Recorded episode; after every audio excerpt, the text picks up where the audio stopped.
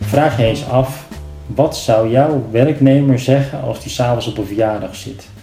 Weet hij dan in een paar zinnen uit te leggen waar hij en zijn bedrijf voor staan? En is hij daar trots op? Dus eigenlijk train ik nog het hardste als het het slechtste weer was, als het buiten stormde en regende. Dan train ik het hardste, want dan dacht ik, dit is waar, nu maak ik het verschil voor die kinderen. Dat is, ik kan dat niet ontzeggen. In deze aflevering spreek ik met Reinier Kok. Ik heb Reinier onder andere leren kennen tijdens de golflessen die bij mij heeft gevolgd. Daarnaast zijn we samen naar de Ryder Cup op Glen Eagles in Schotland geweest en hebben hier het Europese team de Ryder Cup zien winnen. Reinier Kok is als golfer iemand die graag de uitdaging aangaat en vaak een manier vindt om zijn wedstrijden te winnen. Ook al lijkt de achterstand te groot, dan is hij toch vaak in staat om deze winnend af te sluiten. Ook in het zakenleven is hij iemand die graag wint, maar vooral daar laat hij zien dat hij dit wil bereiken door de belangen van zijn klanten en zijn personeel voorop te laten staan. In dit interview vertelt hij over de kernwaarden die hem en zijn personeel helpen om een sterk team te vormen en hoe hij dit ook in andere situaties heeft toegepast. Zijn huidige bedrijf Miasin past deze methodes toe in de installatie en de elektrotechnische industrie, waardoor hij tot nieuwe creatieve toepassingen komt. Ik hoop dat je nieuwe inzichten uit zijn verhaal kunt halen die jou helpen om nog meer met jouw team te bereiken. Veel plezier met het interview. Nou, Renier, eh, hartstikke leuk dat ik uh, hier vandaag uh, te gast mag zijn. Dus uh, daarvoor mijn dank. Dus wat wilde je worden toen je jong was? Ja, dan zal ik je zeggen dat, dat ik eigenlijk niks wilde worden toen ik jong was. Want ik was helemaal niet voorbestemd om een keuze te kunnen maken. Want mijn, mijn ouders hadden een familiebakkerij al meer dan 80 jaar. En ik, ik heb drie zussen. Ik ben ja. de enige jongen. Dus ik was voorbestemd om de familiebakkerij op te volgen. Okay, dus... dus van kleins af aan, al naast school, uh, zelfs al op de basisschool helpen, meehelpen. En ja, eigenlijk was er maar één keuze, dat is het familiebedrijf overnemen, bakker worden. Okay. Dus ik heb alle bakkersopleidingen doorstaan. Ik kan broodjes bakken als de beste, ik kan taarten maken, ik kan bruidstaarten maken. Alleen, uh, ja, eigenlijk intrigeerde mij altijd niet hoe ik dat mooiste broodje bakte, maar Waarom zou ik iemand wat bij mij kunnen laten kopen in plaats van dat hij de keuze maakt voor de concurrent of de andere bakkerij? Wat, wat maakt dat mensen keuzes maken? Dat vond ik het meest interessant. Dat had ik al wel in de gaten. En uh, toen uh, ja, eigenlijk de situatie zich voordeed dat een groep van bedrijven die wilden graag de grond kopen waar die bakkerij op stond. Hmm. En ja, wilden daar ook een som geld voor betalen die dan voor mijn vader voldoende was om zelf te stoppen met werken, ja, kon ik de keuze maken van wil je dan door of zullen we dan de boel toch maar gaan verkopen. Ja. En uh, ik kon daar nog een paar jaar in blijven, uh, want we konden er nog een paar jaar huren voordat het bouwproject van start zou gaan. En toen heb ik de keuze gemaakt om dus ja, wat anders te gaan doen. En wat dan? Nou, dat was dus marketing. Ik vond marketing vreselijk interessant. Dat, de hele gedachteconcept van waarom kopen mensen wat wat, wat brengt ze tot die beslissing, die hele psychische benadering, dat, dat, dat vond ik super interessant. En uh, dat waren wel tropenjaren, want dan werk je dus zes dagen in de week in de bakkerij. En dat is niet van uh, acht tot vijf, maar dat is van uh, s'avonds half elf tot de volgende dag één uur. Of van twee uur s'nachts tot twaalf uur of één uur. dat soort dagen waren het. En dan toch nog s'avonds ja, marketing erbij gaan doen. NIMA, NIMA A, NIMA B. En zo verder gegaan. En toen die beslissing genomen, oké, nu, was dat genoeg, dat afgesloten. En toen dacht ik van, nu moet ik verkoopervaring gaan opdoen. Ik was wel liefhebber van auto's. Ik denk, nou, wat kan je dan nog beter doen dan in de autoverkoop gaan? Als je nou verkopen wil leren, dan moet je dat daar doen. En uh, daar ben ik gestart gewoon als junior verkoper uh, bij de Opel dealer en auto's verkopen. En daar veel over lezen van wat brengt mensen nou tot beslissingen om dingen te doen en die keuzes te maken. Ja, daar heb ik, uh, daar heb ik heel veel geleerd. En uh, uiteindelijk met mensen die dus langer in de sales zaten, contacten gekregen. Daarvan uit iets meer de techniek ingegaan. Uh, met mensen samen daarna een bedrijf gestart in, in luchttechniek. En luchttechniek in die zin van luchtreinigingsapparatuur, airconditioning en dat soort dingen. Ja. Daar zijn we toen mee begonnen. En dat op een hele andere manier in de markt zetten. Omdat je kan het benaderen vanuit de techniek, maar de techniek interesseerde me in die zin niet. Ja, dat kan iedereen leren, daar heb je technici voor. Maar mensen die een airconditioning kopen, interesseren zich ook niet voor de techniek. Die interesseren zich voor wat het voor je doet. Wat de temperatuur is in je ruimte. En, en eh, ja, wat wil je dan? Eh, ik wil gewoon dat het klimaat hier eh, aangenaam is om te werken of om te wonen. dat soort dingen. Dus dan moet je ook, en ze willen wel graag weten hoe het eruit ziet. Dus wat je dan moet doen is dus aanbieden, zeggen van wij kunnen je klimaat mooi maken. En eh, het kan er nog mooi uitzien ook. Dat was een hele andere benadering dan die technische benadering die installateurs hadden. En daarvanuit eigenlijk eh, gestart, in, ook in het ondernemerschap. En wat is nou de belangrijkste les die je hebt geleerd? Zeg maar, wat, wat zou je zeg maar zien als je kijkt naar de bakkersvak of de bakkerij? Ja, ja. Wat was daar wat, wat daar het meeste goed ging of waar kon je het meeste winst halen? Ehm, ja, nou, het bakkersvak, dat was, dat was vooral verse ingrediënten en nooit beknibbelen op het feit dat je verse producten wilde hebben. Eh, Er was bakkers en die hielden hun oude brood dan en, en of hun oude gebak en dan nog de dag een keer nog een keer verkopen en dan de dag daarna misschien een nieuw rozetje slagroom erop en nog een keer proberen te verkopen. En wij zeiden altijd, nee, vers is vers, want anders dan komen mensen niet bij je terug. Dus ja, wat je over hebt, helaas moet weg. Dat zit dan maar in de calculatie van de kostprijs. Maar dan heb je wel altijd het beste. En, en, en smaken blijven. Wij maakten altijd nieuwe dingen die mensen verrassend vonden. Al waren we op vakantie geweest naar Portugal, dan maakten we ineens Portugese broodjes. Mensen vonden dat verrassend en gingen dat dan proberen. Daarvoor kwamen ze bij je terug. Niet dat voor het recht toe, recht aan, halfje gesneden wit. Ja. Dat had iedereen wel. En wat, Ja. wat, wat is het belangrijkste dat je zegt van dat zou... Toen deden we dat niet, maar dat had nog beter gekund. Heb je daar voorbeelden van? Ja, nou de, de, de wereld is denk ik eh, eh, veranderd. Dus ik, ik, ik, denk dat nog meer uitdragen waarom ze bij jou als bedrijf horen. Dat je het een feestje maakt voor die mensen. Dat het product niet de doelstelling is om te maken. Maar dat wat je ermee wil bereiken de doelstelling is om te maken. Dat eten een feestje is. Dat, dat had ik dan meer toegepast. Omdat je daarmee ook medewerkers meer mee kan krijgen. Ik was toen nog maar een groentje. Ik kreeg wat ze toen nog noemden handlichting, omdat ik nog geen 21 was en mede-ondernemer werd bij mijn vader. Hm. Toen had je natuurlijk zo groen als gras. En, en, eh, maar de- dat heb ik in die loop der jaren dus steeds meer geleerd. Dat je kernwaarden aan je bedrijf mee moet geven aan waar, waar ben jij er nou voor? En dat, vanuit die filosofie werkten we toen nog niet. Dat was heel erg van, ik maak een lekker product en dat gaan we eh, proberen te verkopen. En het waren misschien wel leukere, onderscheidende recepten. Maar met het aansturen van mensen op die manier, ja, daar was ik nog helemaal niet mee bezig. Daar was ik gewoon ja, Ja. nog veel te onervaren voor. Ja, dat is helder. Dus, dus heb je eerst de bakkerij is verkocht. Ja. Toen ben je eh, autohandelaar geweest. Hoe lang heb je dat gedaan? Nou, dat heb ik eigenlijk maar een jaar gedaan. Ja. En eh, daar was ik ook wel weer snel klaar mee, omdat de, de gedachtegang daarin was. Ja, er, er werd nul onderscheidend vermogen. Want eh, ja, als een klant besloten had om een Opel te nemen, dan ging hij naar nog twee Opel dealers. En degene die het meeste gaf voor zijn inruil, dat, die wilde het wel doen. Dus wat kan jij doen om onderscheidend vermogen te maken? Als jonkie kon je daar natuurlijk niet echt een invloed op uitoefenen. Hm. Dus het was, eh, wij probeerden het wel te doen door meer leads te genereren. Dat heb ik er wel ge- ge- geleerd. Door niet alleen overdag in zo'n showroom te zijn, maar door iemand die een auto had gekocht, na twee weken te bezoeken met een bos bloemen en te vragen: hoe bevalt die nou? Hm. En hebben je buren al met jaloerse blikken naar jouw mooie nieuwe auto gekeken? En wie zou dan misschien ook nog wel geïnteresseerd zijn om eens een keer een proefrit te maken? Of hebben de mensen misschien wel een proefrit in je auto gemaakt die er eigenlijk wel gek van waren? Zo kreeg je dan één of twee of drie nieuwe namen en die nodigde je dan weer uit. Ja, daar liepen we best wel op voor. Ja. Dus we waren daar wel heel erg goed in. En dat vond ik wel heel interessant om, om te leren en om, eh, om te zien. Ja. En zijn er ook in, in die, die tijd dingen dat je zegt van... hé, hey, dat zou ik nu veranderd hebben? Nou, wat ik, wat ik in die zin veranderd zou hebben, we zijn dus doorgegaan in die airconditioning en dat ging eigenlijk, ja, door die andere benadering ging dat te hard. Dat groeide zo verschrikkelijk hard dat eh, je veel te weinig oog had voor je bedrijf en de structuren die je aan moest passen.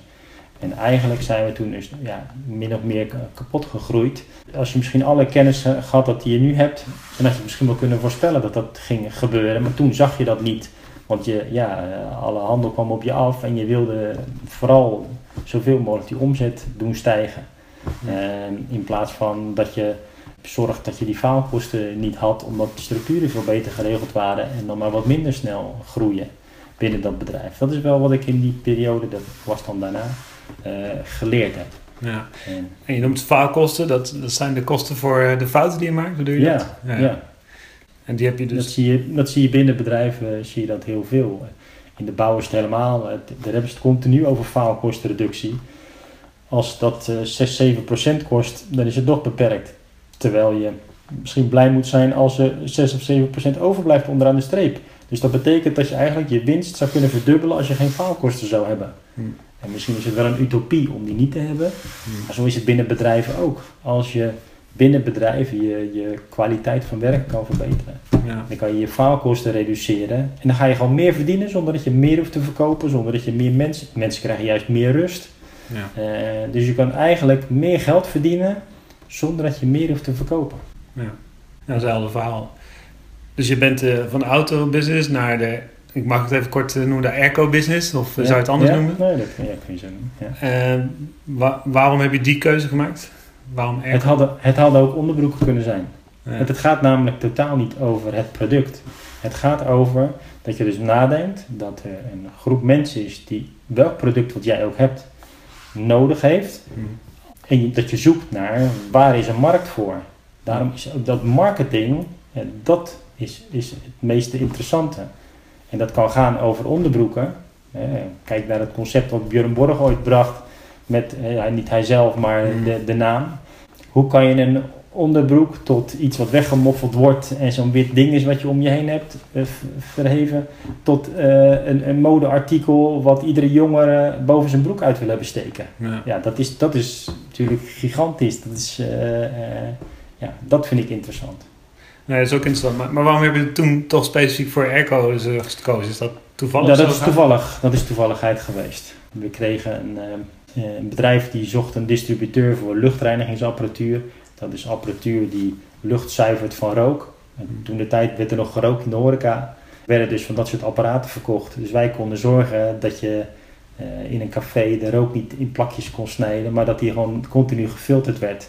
Ja, in de zomer zei men, ja, ik zet het raam wel open of de deur wel open, dan heb ik het niet nodig. Oké, dan moeten we ook handel hebben voor de zomer. Laten we dan misschien andere apparatuur, dus airconditioning, heb je weer in de zomer nodig en niet in de winter. Dus dat werd de combinatie. En uh, dan bleek natuurlijk dat de markt voor airconditioning veel groter was dan alleen maar die horeca. Nee, dat was ook kantoren, zelfs bij mensen thuis. Uh, dus die was veel breder. Dus dat ging ook in de omzet vlucht nemen. Dat die markt uh, veel groter in aandeel werd. En tot complete hotels, wat we op een gegeven moment deden. Van ieder product kan je wel iets interessants vermelden. Als je kijkt naar ja, mogelijkheden die je hebt, waar je tegenaan loopt, gewoon waar je naar kijkt, beurzen of op wat voor manier dan ook. Kijk ik naar het product en wat heeft het voor onderscheidend vermogen? Is, zit er een verhaal aan? Dient het een doel? Of is het gewoon een MeToo-product? Gaat het over de prijsas, omdat je iets namaakt wat een ander ook heeft? Ja, er is altijd iemand die wat goedkoper wil. Maar er zijn ook mensen die daarover succes halen. Kijk naar de action. Ja, ja dat gaat over de, puur over de prijsas. Uh, cost leadership. Dus als je maar keuzes maakt. Want je kan niet alles zijn. Je kan niet de beste zijn. En de goedkoopste zijn. Je wilt uh, goedkoop zijn. Of je wilt service. Of, of de beste kwaliteit. Je mag, we hebben alle drie zeggen ze altijd. Maar je mag er maar twee kiezen. Of het is geen niet de beste kwaliteit. Maar wel service goedkoop. Dan is de kwaliteit minder. Of het is de hoogste kwaliteit, de hoogste service, maar dan kan je niet de laagste prijs hebben. Het is, je moet wel keuzes maken. Ja. Omdat ik dus geloof in, in eh, de behoeften van de klant en dat je dus een meerwaarde kan bieden aan de klant. Ja, eh, zoek ik dus ook altijd naar wat wil ik dan voor meerwaarde bieden aan mijn klant en dan zoek ik producten daarbij. Ook diensten daarbij.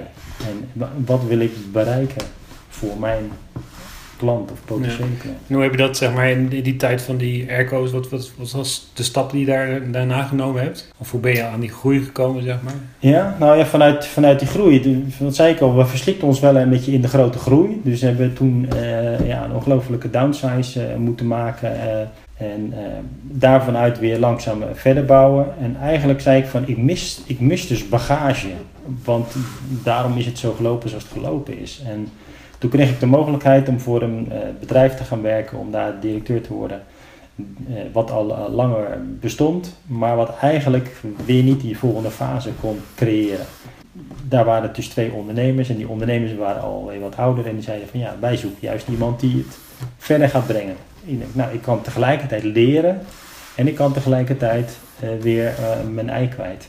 En dat ben ik dus gaan doen in mijn bedrijf ja, dat heb ik twaalf jaar lang dat bedrijf van, nou ja, van zeg maar even wat, wat kleiner naar groter en veel, vooral nog niet eens heel veel groter in, in mensen of in giga in omzet, maar vooral in prestatie.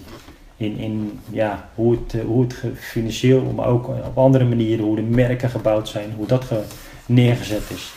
Um, en dat is een hele mooie reis geweest om, uh, ja, ook het, het, team, een heel team langzaam maar zeker ombouwen. Mensen die erbij komen, mensen die er ook afvallen. Ja, tot, tot een ongelooflijk geoliede machine maken.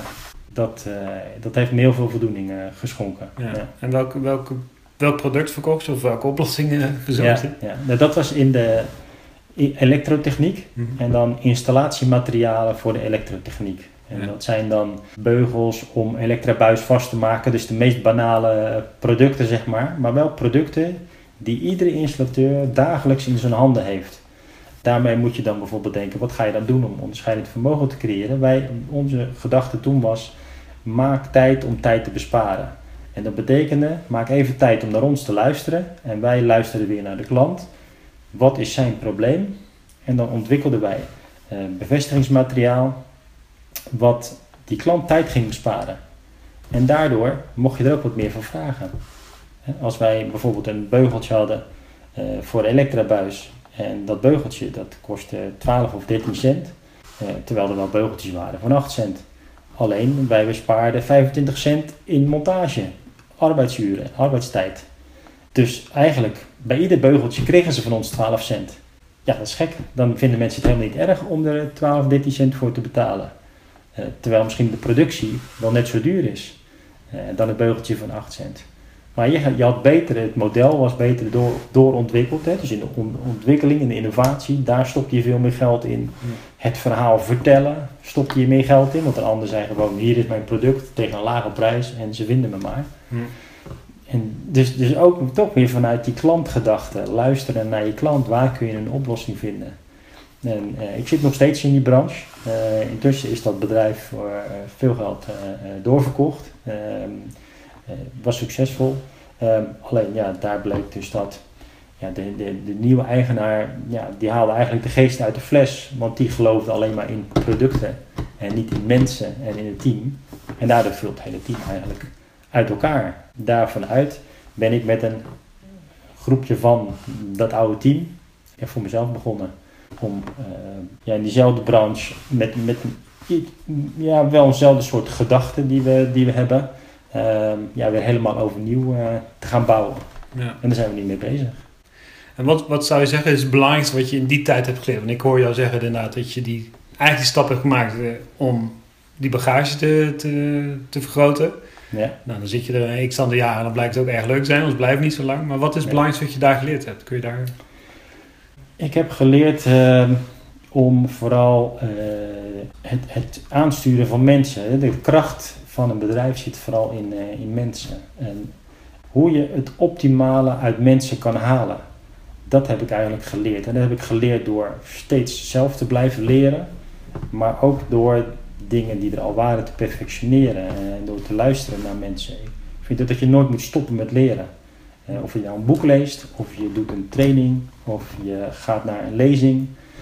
Alles blijf het tot je nemen. En pik daaruit wat je kan gebruiken bij je, bij je bedrijf. Ja. Uh, en, en, en, ja, voor mij was dat vooral om een hele andere benadering te nemen. Ik hoorde te veel om me heen van ik gun je veel personeel als iets negatiefs. Hmm. Want personeel is altijd ellende. Hmm. En ik, ik, ik mis eigenlijk nu best wel meer personeel. Maar ja, we zijn net begonnen, dus we zijn nog maar met een klein groepje. Omdat ik het gewoon ontzettend leuk vind om met mensen te werken. Want het, je krijgt energie van mensen. Als je mensen ziet groeien, als je mensen prestaties ziet doen die ze van zichzelf nooit verwacht hadden. Ja, daar kan je alleen maar blij van worden en energie van krijgen.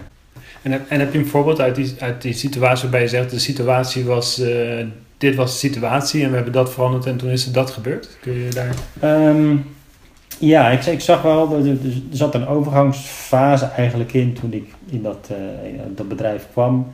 En eh, dat er wat oud-gedienden zaten die op een andere manier gewend waren te werken. Maar dat er wel dat er te weinig eh, samenwerking in zat. Dus vooral die efficiëntieslagen die je nog zou kunnen maken, daar heb ik naar gezocht. En toen ben ik voor mezelf gaan zoeken, wat is nou de bindende factor tussen mensen? En dat zat voor mijn gevoel in de kernwaarden. In de kernwaarden van mensen ehm, en van het bedrijf. Daar zit de binding in en zit de kracht in van de mensen.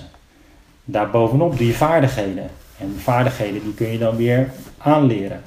Ik, eh, ik merkte ook dat mensen die misschien heel veel vaardigheden hadden en die kwamen dan bij een ander bedrijf vandaan en bij jou presteerden ze dat niet. En, of het team kon helemaal niet met ze opschieten. Ja, waar, waar lag dat nou aan? Nou, dat lag dus aan het feit dat die kernwaarden niet strookten. En die vaardigheden kwamen er dan ook niet uit. Want niemand was bereid om hen te ondersteunen op vlakken waar ze niet zo sterk in waren. En niemand is, is op alle vlakken sterk. Als je dus kijkt naar die kernwaarden, ik wil ieder zijn eigen persoonlijke kernwaarden wel eens weten. En ik heb gewoon lijsten genomen met kernwaarden die ik overal kon vinden.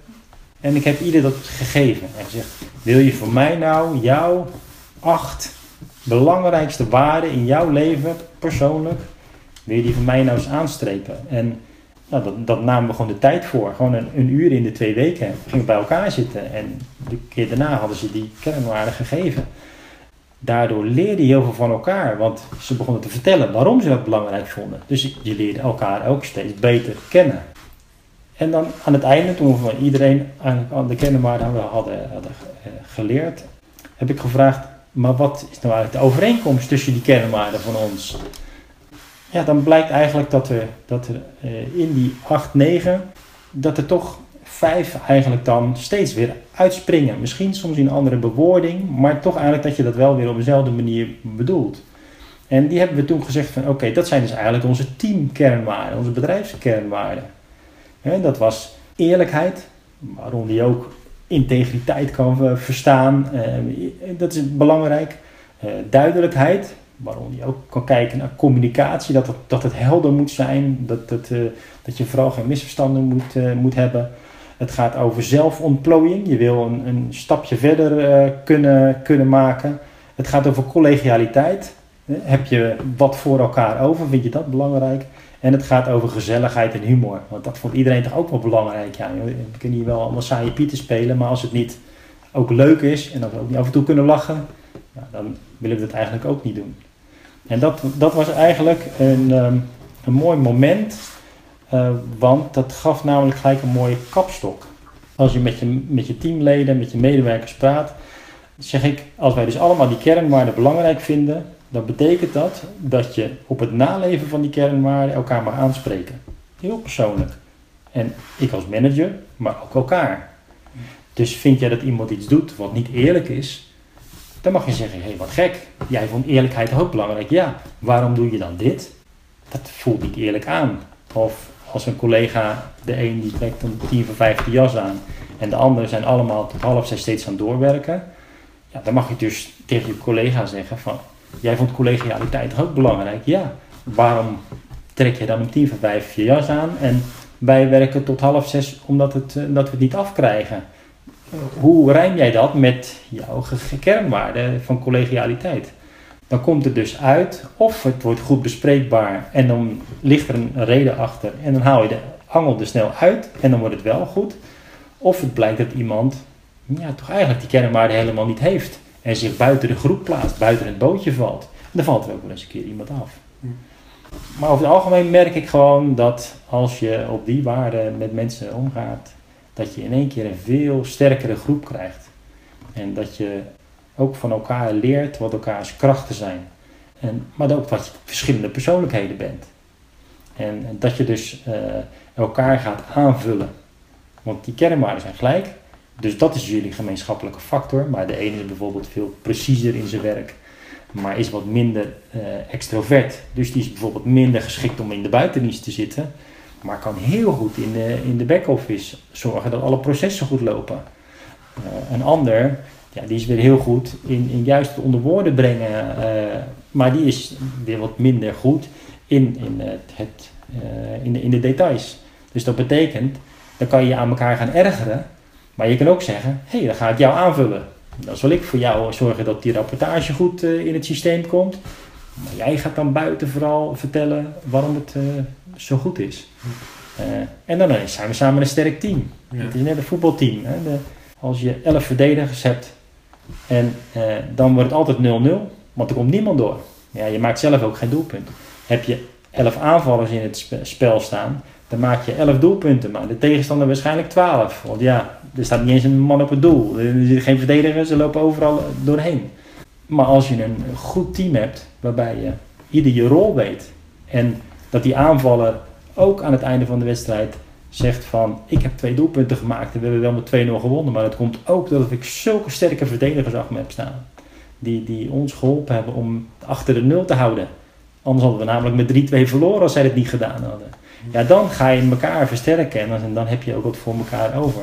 En dat vind ik heel mooi om, om te zien in zo'n uh, groepsproces, zeg maar. En dat is de belangrijkste uh, kernwaar, of die, met die kernwaar de belangrijkste leerschool die ik gehad heb in het, uh, in het bedrijf. Als er dan dingen fout gaan, in het bedrijf gaan dingen fout, maar dat is nooit persoonlijk. Want als manager is het dus makkelijk om met iemand te gaan praten en te zeggen: er worden een paar fouten gemaakt. Dat ziet diegene zelf ook. Maar zijn drijfveer is om het goed te doen. Nou, dan moet ik dus zorgen dat, dat hij de tools krijgt om het te verbeteren.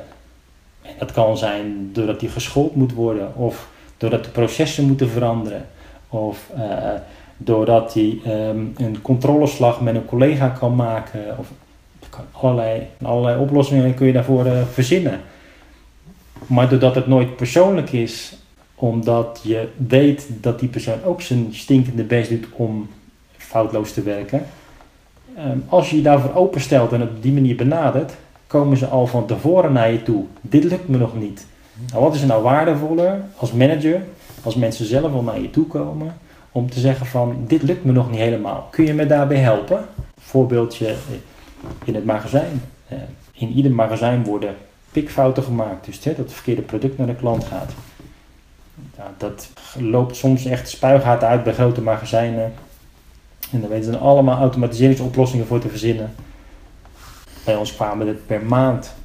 Ja, dat was een doelstelling. Proberen minder dan vijf fouten in de maand te maken. Met 1200, 1300 orderegels. Dan was het toch nog, ondanks dat er vijf gemaakt werden, gingen we die toch bespreken. Terwijl als een automatiseerder langskwam, dan zei hij van... Uh, als u uh, eh, 5% fouten maakt, dan kunnen wij dat reduceren tot 1%. En dan zei ik, ja, maar het is bij ons maar 0,002%. Ja, ja, ja, dan gaat die automatisering niet zoveel geld opleveren. Maar toch proberen we te kijken waardoor ontstaan die vijf fouten. En dan was het misschien wel. Hey, het is steeds hetzelfde product wat verkeerd gepakt wordt. Er liggen twee producten in het magazijn en die lijken erg op elkaar. Is één maatje verschil, maar heeft dezelfde kleur. Dus ja, toch net wordt er wel eens een keer het verkeerde uh, schapje gepakt. Nou, misschien moeten we de als er twee witte zijn, moeten we de zwarte ertussen leggen. En dan is het wit, zwart, wit, zwart. En dan maak je minder snel die, die fout. Hé, hey, dat is een oplossing. Het komt nu niet meer voor. Nou, dat blijkt een goede oplossing. En zo, doordat je mensen ruimte geeft om te verbeteren, krijg je eigenlijk steeds een steeds beter resultaat. En dat is dat stuk zelfontplooiing en dat stuk uh, dat altijd je, dat je wens is om uh, beter en, en, en slimmer te worden. En dat heb ik ook vertaald in de kernwaarden, de kernwaarde nu ook van ons bedrijf, is samen slimmer werken. En dat doen we met alle stakeholders die we binnen het bedrijf hebben. Want eh, er zijn vier stakeholders binnen ons bedrijf. En dat zijn de medewerkers zelf, dat zijn onze leveranciers schuine partners, want we zoeken meer partners die de samenwerking zoeken in plaats van alleen maar mensen die producten sturen. Wij verkopen materialen aan de groothandel en die verkopen ze door aan de installateur. En alle vier die partijen, daar willen we uh, streven naar samen slimmer werken. Dat betekent dat we elkaars werk makkelijker en slimmer moeten maken door oplossingen aan te dragen. En die oplossingen liggen ook op vier gebieden. Op het gebied van kwaliteit en kwaliteitsproducten. Dus kwaliteit van werk als het intern betreft. Kwaliteitsproducten als het gaat over de producten die we naar de klant leveren. Dus alle producten moeten het doel dienen om het werk van mijn eindgebruiker of van die groothandel makkelijker te maken. Anders heeft het geen toegevoegde waarde. Het gaat over keten en efficiency. Dus we moeten proberen alles altijd slimmer te doen in de keten. Door misschien wel makkelijker de transport te regelen. Of betere informatie aan te reiken. Of een verpakking makkelijker te maken. Of de bedrijfsprocessen te verbeteren. Dat is een, een uh, iets wat er speelt. Het gaat over kennisoverdracht. Dus alles wat je wil laten weten aan uh, je klant en aan je mensen. Je moet continu doen aan kennisoverdracht. En dat kan soms ook gaan over dingen die je niet zelf verkoopt. Um, ik heb altijd marktcijfers verzameld van de markt. En die deel ik met een klant. Want die klant zit misschien wel van, het is bij mij eigenlijk best rustig. En dan deel ik met hem van, heb je misschien wel eens gedacht aan markten die ik bij anderen zie dat die eh, in één keer booming zijn. Zoals solarpanelen op het dak. Uh, doen jullie ook solarpanelen op het dak? Nee, eigenlijk nog nooit aan gedacht. Nou, misschien dat je erin kan verdiepen. Ik heb maar wat partijen in de markt. Moet je daar eens gaan oriënteren. Ik verkoop geen solarpanelen en hoef dat ook niet te gaan doen. Maar ik help die man om te verbeteren in zijn werk. En dat betekent dat hij mij omarmt als bedrijf. Want ik help hem. Dat betekent dat als je met ons bedrijf, het bedrijf heet Miasin, dat betekent letterlijk samen. Dus op het moment dat je uh, ons zeg maar eventjes voelt waarom we er zijn, want dat samen slimmer werken staat nergens als slogan. Het is iets wat mensen moeten voelen help je die persoon verder en omarm die ook ieder product van je. En zal die altijd kijken van, als wij met een product komen, hé, hey, wat heeft dat voor toegevoegde waarde voor mij als gebruiker of als leverancier of als groothandel. En uh, nou, dan, zou, dan, zou, ik het ook zeker gaan aanschaffen op het moment dat het me dat uh, meerwaarde brengt. De vierde poot van die waardes, dat is partnership. En dat is dus intern. Dat je als ploeg echt een team moet zijn waar je aan werkt. Maar dat gevoel moet ik ook hebben met de groothandel. Dat we het samen aan het doen zijn. Dat we samen naar die eindklant aan het uh, werken zijn om die behoeftes in te vullen. Uh, dat moet die installateur voelen. Dat we, de, dat we met een ploeg, met groothandel en leverancier er zijn om hem te helpen zijn werk makkelijker te maken. En zo is dat net zo goed naar die leverancier toe. Die wil ik nogmaals geen leverancier maken, maar die moet het op prijs stellen dat ik uh, gedachten en vragen van de krant, klant terugbreng naar hem, zodat hij betere productontwikkeling kan doen. Dat moet hij op prijs stellen. Want de klant weet waar zijn pijn zit. En dan moet, moet je als fabrikant proberen daar oplossingen voor te vinden. Ja, dan moet ik het wel gaan terugbrengen. Want een fabrikant in Duitsland die verder niet dicht op de markt zit, die heeft geen idee wat in Nederland een oplossing kan zijn qua productontwikkeling. Dus dan moet ik dat natuurlijk wel vertellen. En dat is ook dat partnership. Dat je, dat, dat je probeert wel kennis te delen en je kwetsbaar durft op te stellen. Heb je misschien een concreet voorbeeld waar je dat, waar je dat bij hebt bereikt nu? Ja, wij verkopen onder andere ook uh, kabelkanalen. Dat zijn dus uh, ja, um, kunststofkanalen waardoor kabels lopen van heel klein. Wat iedereen misschien wel boven zijn eetkamertafel uh, heeft hangen om de lamp een stukje op te schuiven tot hele grote aan de wand waar je schakelmateriaal in hebt zitten. Wat wij gingen doen is wij gingen luisteren naar ja, maar wat heeft die gebruiker nou nog meer voor problemen? En het bleek dus dat die installateur het lastig vond. Die had dan zo'n doos van die kanalen gekocht en die ging naar het project toe. En dan nam die, uh, hadden ze gecalculeerd dat het waarschijnlijk een meter of zeven zou zijn wat ze nodig hadden. Dus dan nemen ze 10 meter mee in de bus en nemen het mee naar het project. Maar in die bus lag nog veel meer aan materialen en schuurde het heen en weer. En kwam het dan vol beschadigingen, kwam het aan. Dan bleek na het werk dat er nog een stukje over was. Dat moest weer terug naar het bedrijf, kon het weer beschadigen. Dan werd het vervolgens wat over was in het magazijn neergelegd. Ja, en eer dat het weer voor een project uh, te gebruiken uh, moest zijn. En dan praat je misschien wel over een half jaar verder. En dan was het helemaal vervuild, want het trekt nog eens een keer stof aan, kunststof. Dus het was eigenlijk, konden ze gewoon de prullenbak ingooien. Zo werd 30% gewoon weggegooid van het materiaal. Dus wij zeiden, wat moeten we dan doen om hem te helpen? Toen zeiden we, hé, hey, als we nou eens een folie, een beschermfolie om die lengtes doen. Nou, als jullie dat zou me helpen, dan beschadigt het niet meer in die bus. En als ik het in die voorraad leg, gaat het ook niet meer verstoffen. Oké, dat gaan wij doen. De snellopers gingen wij in een folietje doen. En uh, zo werd het meegenomen en helemaal blij, de installateur was blij. Toen kwam de volgende stap. Toen zei de groothandel tegen ons van, joh, ik heb dat gezien, dat is een mooie oplossing wat jij gedaan hebt. Hij zei, maar ik heb, een, ik heb een andere vraag aan je. Jij hebt de snellopers heb jij in een folie gedaan voor die installateur. Maar weet jij dat van al die andere maten van het assortiment, die juist niet zoveel verkocht worden, die moet ik bij importeurs in, of bij fabrieken in een doos kopen. Maar ik verkoop nooit door in een doos. Want de klant heeft maar twee of drie lengtes nodig. In plaats van die tien die in die doos zitten. Dus ik heb A, open verpakkingen in het magazijn liggen. En ik sta al die dingen in te pakken. Dat kost mij handenvol geld. Dat kost mij gewoon 1,75 uh, aan arbeid, aan een folietje, want het moet allemaal heel specifiek gebeuren. Hmm. Staat ook niet in het systeem, in het computersysteem van ons. Want er staat alleen maar de marge tussen inkoop en verkoop in. Maar dat het nog een keer verpakt wordt in het magazijn staat nergens in. Dus dat gaat over de grote hoop. Maar er wordt uiteindelijk, werd er maar 2,5 euro op zo'n kanaal verdiend. Dat zijn dingen van misschien eh, 10 euro. Dus dat van die 2,50 en 1,75 aan kosten opging, had niemand in de gaten. Maar het gebeurde wel. Hij zegt, kan jij me daarmee helpen? Kan je die dingen ook niet verpakken? We hebben gezegd, ja, hey, dat is efficiency. Wij gaan alles voor jou inpakken. Dus wij leveren alle maten in een stuksverpakking aan. En toen dacht ik wel even van, ja, dan besparen we heel veel. Er wordt ook 30% minder weggegooid. We besparen hem kosten. Daardoor is hij zo bereid om gewoon een faire prijs te betalen. Moeten we alleen nog even denken aan het milieu. Want er gaan toch wel veel plastic zakken, eh, gaan er op die manier, de foliezakken, gaan er de markt in komen. En alhoewel het eh, toch nog heel veel kanalen die weggegooid worden bespaart. Dus het is nog een plus voor het milieu. En zeiden we, ja, waarom kunnen we daar eigenlijk geen recyclemateriaal voor gebruiken? Dus hebben we die verpakkingsfolie, hebben we gewoon voor het grootste gedeelte van recyclemateriaal gemaakt. Maar daardoor ging je ook nog eens een keer afval gebruiken om minder afval te maken.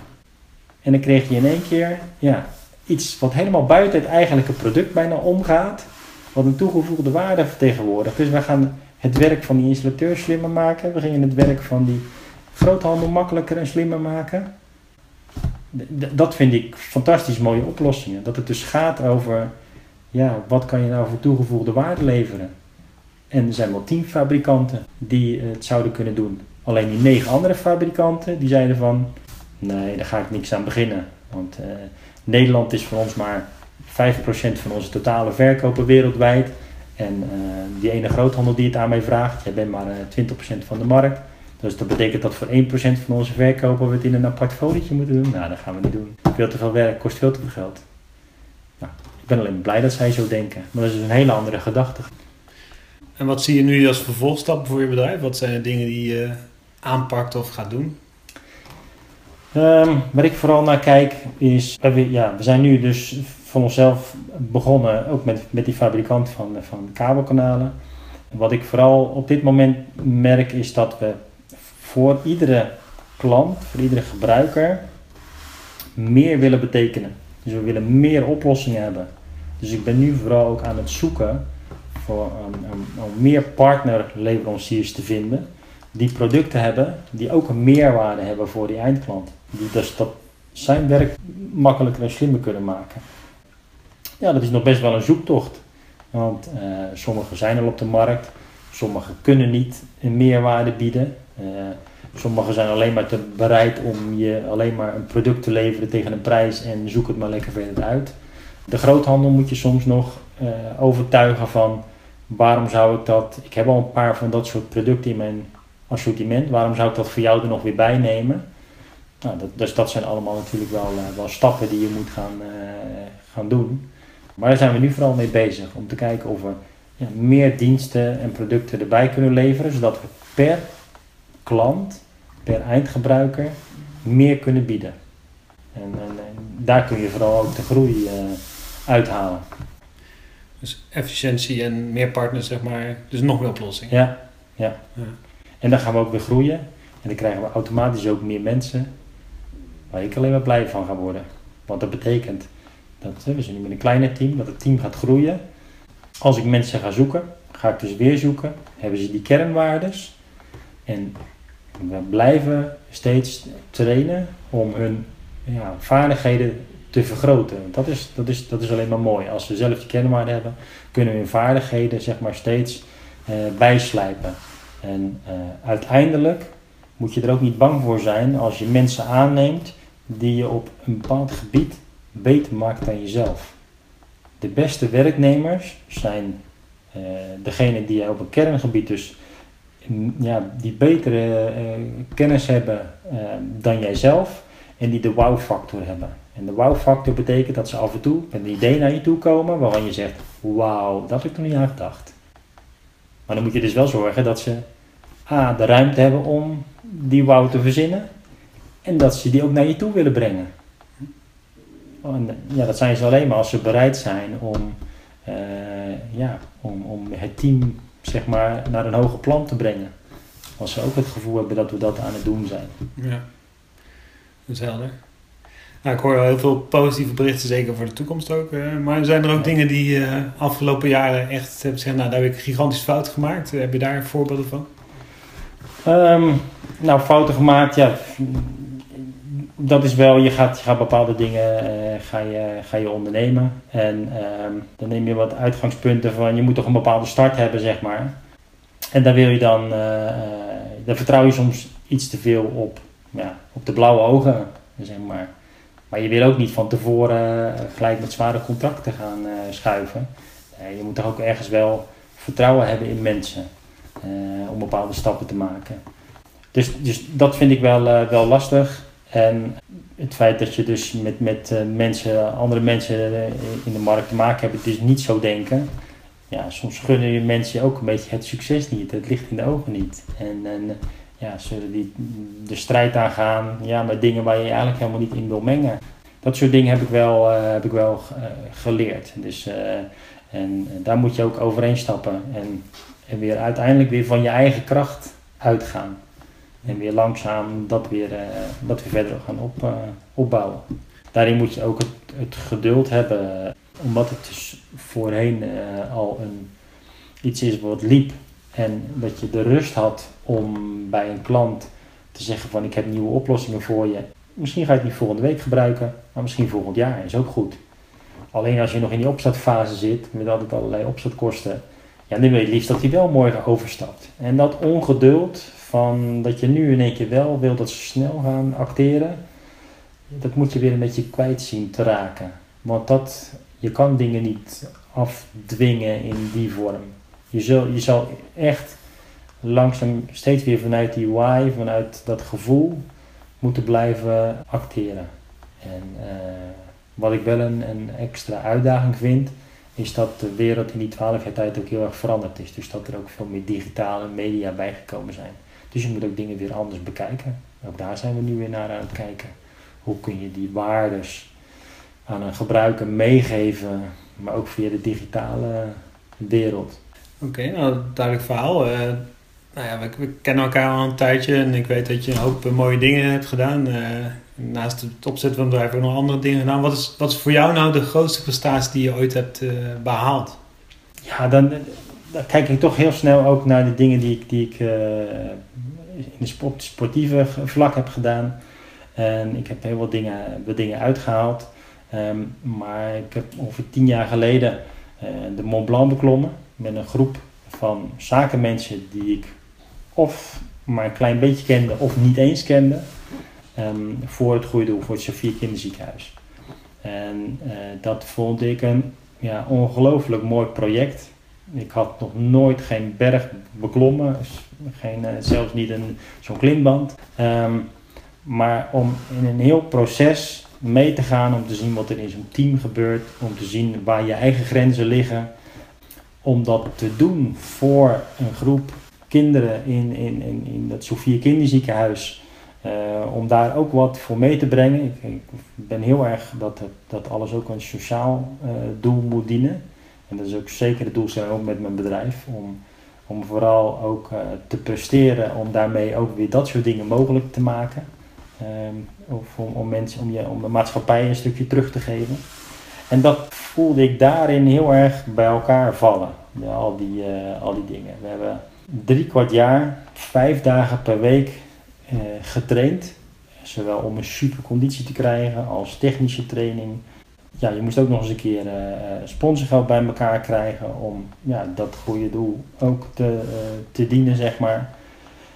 Tegelijkertijd zie je dan verschillen ontstaan. Dat de ene deelnemer die zegt van nou ik heb een bedrijf en ik stop, uh, ik moet minimaal uh, 2000 euro binnenhalen. Dus ik haal 2000 euro uit mijn bedrijf en ik heb het geld dus ingebracht. Ja, dan vind ik het wel leuk om mee te gaan naar zo'n expeditie. Ja, ik smokkel een beetje, want ik heb weinig tijd hoor om te trainen. En de ander zegt van ja, dit is, dit is iets wat, wat zo belangrijk is. Dat doel wat we gaan nastreven, op die dag gaan we proberen daar naar boven te gaan ik ga iedereen mobiliseren om me heen. En al moet ik taartjes bakken of al moet ik uh, nog vrienden in mijn netwerk mobiliseren. Ik ga zorgen dat er zoveel mogelijk binnenkomt voor, uh, voor dat goede doel, voor die kinderen. En ik moet die superconditie hebben, dus ik ga vijf keer in de week. Dat was mijn gedachte ook. Ik ben met een paar van de expeditie naar het Sofia Kinderziekenhuis gegaan. Heb daar met kinderen gesproken die langdurig ziek zijn. Die echt de chemo's kregen en alles, uh, hersenoperaties. Echt zware dingen. Dat gaf mij de energie dat als ik moest trainen en het was rot weer, dan denk ik ja, eh, kunnen zij ook zeggen: Ik heb vandaag geen zin, doe maar geen chemo? Natuurlijk niet. Dus eigenlijk train ik nog het hardste als het het slechtste weer was, als het buiten stormde en regende. Dan train ik het hardste, want dan dacht ik: Dit is waar, nu maak ik het verschil voor die kinderen. Dat is, ik kan dat niet ontzeggen. Dus ik had een conditie, dat ja, heb ik nooit voor mogelijk gehouden dat ik zo'n conditie zou hebben. En dan ga je daar naartoe en dan zie je al in het proces, in het trainingsproces van wie loopt nou de kantjes er vanaf, zeg maar, of wie niet. En uiteindelijk gingen we met nog een trainingsweekend en allerlei dingen daarvoor. Maar uiteindelijk gingen we dus de week in juni naar de Mont Blanc. En gingen we daar eerst een proefklim doen. En toen zakten er al een aantal door het ijs, die toch net niet genoeg conditie hadden. Wat ik eigenlijk al aan zag komen, omdat ze ook gewoon niet voldoende getraind waren. En dat de gidsen die erbij waren, gingen wij gaan keuzes maken. Wij, bepaalde mensen mogen van ons niet naar boven, dat is gewoon te gevaarlijk. Je leven staat op het spel. En er moesten keuzes gemaakt worden, met wie ga je aan het touw? Iedereen kwam aan het touw met een gids en nog één medeklimmer. En dat gaat over je leven. En dan is dus de vraag, aan wie ga jij je leven toevertrouwen? En er was er één bij, die ja, in het oefenklimmen. Ja, daar zei ik wat van dat het, dat het allemaal niet zo, niet zo goed ging. En ik zei van ja, maar je hebt ook eigenlijk helemaal niet getraind. En, dus ik was er best wel met je hart in. En kreeg een vorm van nou, woorden, ruzie wil ik niet zeggen, maar wel de emoties liepen hoog op. Dat ik dat zomaar durfde te zeggen tegen een groep van ja, maar eh, ik duwde jullie op om, om in die oefenklim om dat te doen. En uh, dat vonden ze zeg maar niet eerlijk. Zeg ja, maar nu zullen we het even omdraaien. Ik zeg, we moeten gaan kiezen morgen met wie je aan het touwtje naar boven wil. En er zit hier iemand naast me, die heeft alles opgezet. Die is sportief misschien niet de meest vaardige, maar die heeft alles ingezet. Die heeft het meeste geld binnengehaald. Die is zelfs 50 kilo afgevallen omdat hij zoveel is gaan trainen. Alleen maar omdat hij zo'n commitment heeft gepleegd. Ik zeg, ik ga met liefde met hem aan het touw.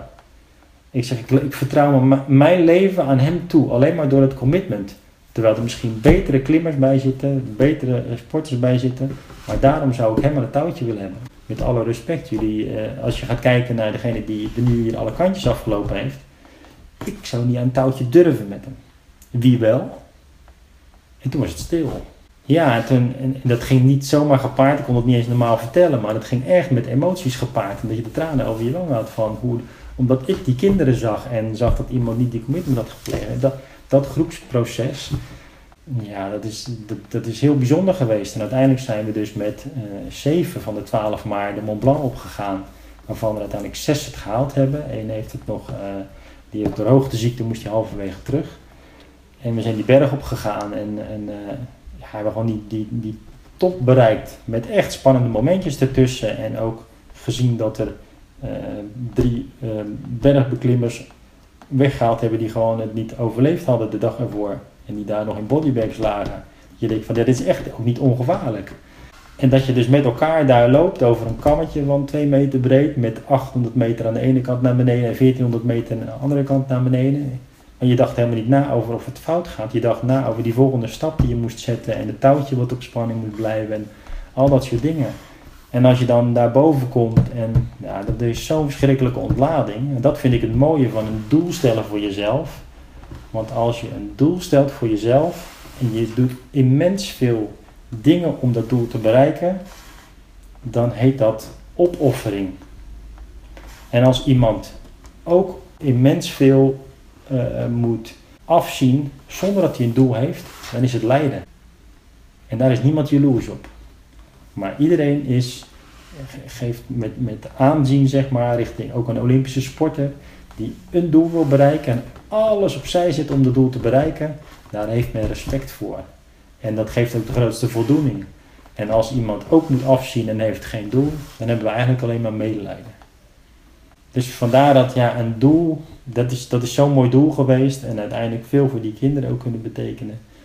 Uh, ja, wat mij altijd bij zal blijven. Dus het, het, het, de inzet is heel hoog geweest, zelfs je leven echt letterlijk in de waarschuwing gesteld. Het doel, het sociale plaatje daarbij, uh, dat hele proces van die groep. Ja, voor, voor mij iets heel bijzonders, uh, nog steeds. Ja. Ik heb ook nog steeds op mijn telefoon vijf, zes foto's van die expeditie staan. En als iemand dat aan mij vraagt van wat is nou echt bijzonder in jouw leven, dan laat ik die foto's zo zien, adembenemende foto's. Um, maar dat, dat wekt het gevoel gewoon helemaal weer uh, op wat, wat, ik toen, uh, wat ik toen had. Ja. Nee, ik kan het ook horen. En dat is ja. uh, mooi om te horen. Er zijn ook dingen die, die je op die berg geleerd hebt, zeg maar, die je nu doorgeeft aan de mensen waar je mee werkt. ja, er, zit, er zitten natuurlijk heel veel parallellen in. Ja, ik begon met al een hele slechte conditie op dat moment, met nul bergbeklimmerservaring. En het enige wat er was, was een gevoel, een commitment om iets te gaan bereiken op een bepaald tijdstip. Dus dat neem je wel mee, dat je altijd die uitdaging wil hebben als bedrijf. Dat je dus in je bedrijf ook moet zeggen, wat is nou ons doel? Waar gaan we nou voor? Want dat maakt het namelijk makkelijk. Dit, dit is heel gek, des te moeilijker de opdracht is, des te makkelijker alles daarvoor is. Omdat als je weet, ik wil dan die top bereiken, kun je aan alles wat je onderweg denkt, kan je denken, draagt het bij aan mijn doel? Als je was het programma van Sven Kramer gezien Sven Kramer dacht over ieder dingetje na. Moet ik dit kopje eh, met, met, of dit glas met een bier, moet ik dat nemen of niet nemen? Gaat het mij helpen om de Olympische medaille te halen, ja of nee? Nee, nou dan ga ik het niet doen. Maar ook uh, moet ik nu op de fiets gaan stappen om te gaan trainen. Gaat het mij helpen om mijn doel te bereiken? Ja, dan ga ik het nu doen. Moet ik het interview doen of niet doen? Nou, als ik het niet doe, dan kan ik wel mijn training afmaken. Nou, dan doe ik het niet. Heb ik er wel tijd voor. Misschien helpt het me wel met PR. En dat ik een sponsor heb waardoor ik mijn training kan doen, doe ik het wel. Maar alles staat in het teken van dat doel wat je wil bereiken. En dat is binnen je bedrijf ook. Als je helder maakt als manager waar je naartoe wil, ja, dan is het heel makkelijk voor iedereen. Uh, moet ik de keuze maken om dit te doen? Of moet ik, moet ik deze keuze niet maken? Dan hoef ik het niet eens voor te stellen. Zal ik deze informatie bewaren en gaan delen met onze klanten? Staat het in, het, uh, in, in de gedachte van samen slimmer werken? Gaat dit misschien mijn klant wel helpen om uh, zijn werk makkelijker te maken? Ja? Laten we het vooral delen. Is dat niet zo? Laten we het weglaten. Gaat dit uh, bijdragen aan betere efficiëntie binnen het bedrijf? Ja, nou laten we het vooral doen. Want daar streven we toch steeds naar, dat is toch helder. Uh, gaat het het niet verbeteren? Laten we het vooral laten. Is het alleen maar voor mooiigheid? En de gouden deurknop op de voordeur zetten? Helpt dat ons in onze kernwaarde of in onze doelstelling? Nee, nou, laten we die deurknop dan maar lekker gewoon laten voor wat die is. En die, die filosofie is, denk ik heel helder en uh, lijkt me ook een hele goede manier om je bedrijf te runnen. Maar hoe krijg je personeel zover dat ze dat ook gaan zien of gaan uitdragen? Wat, wat heb je daarvoor gedaan of wat moet je daar? Je moet, je moet de gezamenlijke uh, doelstelling natuurlijk goed neerleggen en je moet ze mede ambiëren. Het was al in de, in vind ik altijd een heel mooi iets. In, in, in de tijd van, van uh, Nixon was hij bij de NASA en uh, liep hij langs een man en die stond daar de vloer schoon te maken en hij zei: Wat ben jij hier aan het doen? En die man die had twee dingen kunnen zeggen. Die, die, had kunnen antwoorden van, ja, ik ben de vloer hier aan het schoonmaken. Nee, die zei, I'm helping to get, us to get a man on the moon, sir. Dus hij zegt, ik doe, draag hier mijn steentje bij, omdat wij een man naar de maan gaan sturen. Nou, die man die poetste alles zo verschrikkelijk schoon, want die dacht, hij met dit heb ik een aandeel in dat we een man naar de maan gaan brengen. Dus reken maar dat het daar schoon was. Als je op die manier mensen kan inspireren en mee kan nemen daarin, dan krijg je de meest loyale werknemers die er zijn. En dat gaat niet over de 10 euro meer of 100 euro meer. Je beloning moet fair zijn. Het is heel gek als je als bedrijf zijn bijvoorbeeld veel geld zou verdienen en je werknemers die moeten met een karig loon rondkomen. Aan de andere kant vind ik het ook belangrijk als mensen hetzelfde werk doen, dat het eerlijk is, dat je dus ook hetzelfde beloond wordt. En niet degene met de grootste mond die dreigt met weggaan, die krijgt meer. En degene die daar nooit om vraagt, krijgt minder. Dat is ook gek. Dus, dus dat betekent dat je ook beloningsstructuur in je bedrijf moet aanbrengen. Dat het belangrijk is, ook als kleine ondernemer. Maar vraag maar eens aan een kleine ondernemer: heb jij ook een beloningsstructuur? Hou je ook functioneringsgesprekken? Nee, dat is allemaal voor die grote bedrijven. Ja, maar functioneringsgesprekken, dat is gewoon de afspraak dat je op regelmatige basis met elkaar praat over de ontwikkeling van je medewerker en wat we eraan kunnen doen, dat je er even de tijd voor neemt. Waarom zou je dat niet doen als, uh, als kleine ondernemer? Dat, uh, dat hoort er ook bij. En uh, ja, zo krijg je dus dat je mensen meer kan inspireren om, om mee te gaan. Ja, dat is een helder verhaal. Ja. Zeker een helder verhaal. Zijn er ehm, zijn er dingen die we, die we nu niet besproken hebben of dingen die ik niet gevraagd heb waarvan je denkt dat dat zou moeten worden besproken? Of moeten we het nog over hebben? Nee, ik denk, ik denk, dat we heel veel, heel veel gezegd hebben. Uh, ik, uh, ik, denk dat het, uh, dat het wel belangrijk is dat je, dat je trots bent op je mensen en dat je mensen ook trots zijn op, op jou en op je bedrijf enzovoort. En vraag je eens af wat zou jouw werknemer zeggen als die s'avonds op een verjaardag zit? Weet hij dan in een korte, uh, in een paar zinnen uit te leggen waar hij en zijn bedrijf voor staan? En is hij daar trots op? Want als je dat niet bent, dan ben ik ook de eerste die zegt, of iemand zijn ambitie reikt hoger dan dat ik kan bieden in mijn bedrijf, ben ik de eerste die zelfs zal helpen om iemand die ambitie te laten verwezenlijken buiten het bedrijf. Ja, waarom zou je willen als iemand heel graag de ambieert om directeur te worden van een uh, bedrijf of een groot bedrijf? Uh, en die positie is bij mij niet uh, vakant. Ja, en, en, hij heeft het in zich. Waarom zou ik hem niet helpen? Het, eh, als ik hem klein ga houden, dan wordt hij ongelukkig bij mij. als ik hem help, wordt hij misschien ergens anders bij een, een bedrijf wat ook heel veel kan betekenen. Um, en heb je nog contacten met elkaar. En misschien als ik ooit nog eens een keer groei of ik, je hebt een opvolger nodig. Dan zeg je, jij hebt nu extern weer zoveel geleerd. Um, ja, misschien dat je weer een keertje terugkomen. Dat kan, kan, altijd, uh, kan altijd gebeuren. Uh, dus dat vind, ja, dat vind ik ook belangrijk. Dat je iemand niet belemmert in, uh, in zijn groeien. Ja. Ja. Nou, duidelijk verhaal. Ik denk dat er heel veel waardevolle dingen in zitten. Dus uh, in ieder geval heel bedankt voor je, voor je uitnodiging. En fijn dat ik hier mocht zijn en nou, heel veel succes met je bedrijf. Dankjewel. Nogmaals bedankt. Nou, ik hoop dat je veel plezier hebt beleefd bij het beluisteren van deze aflevering. En ik hoop ook dat je dingen gevonden hebt die jou direct kunnen helpen om je doelen te bereiken. Mocht je deze aflevering willen delen, dan kan het natuurlijk ook altijd naar de sociale netwerken. Dus stuur deze ook op naar vrienden of uh, kennissen die je denkt van, die zullen ook waarde kunnen halen uit dit uh, interview. Wil je in de toekomst deze afleveringen niet missen? Abonneer je op deze podcast. Dan zul je zien dat elke keer de nieuwe aflevering direct bij je wordt geleverd. Dus ik hoop dat je hier veel plezier aan hebt beleefd. En graag tot ziens tot een volgende podcast.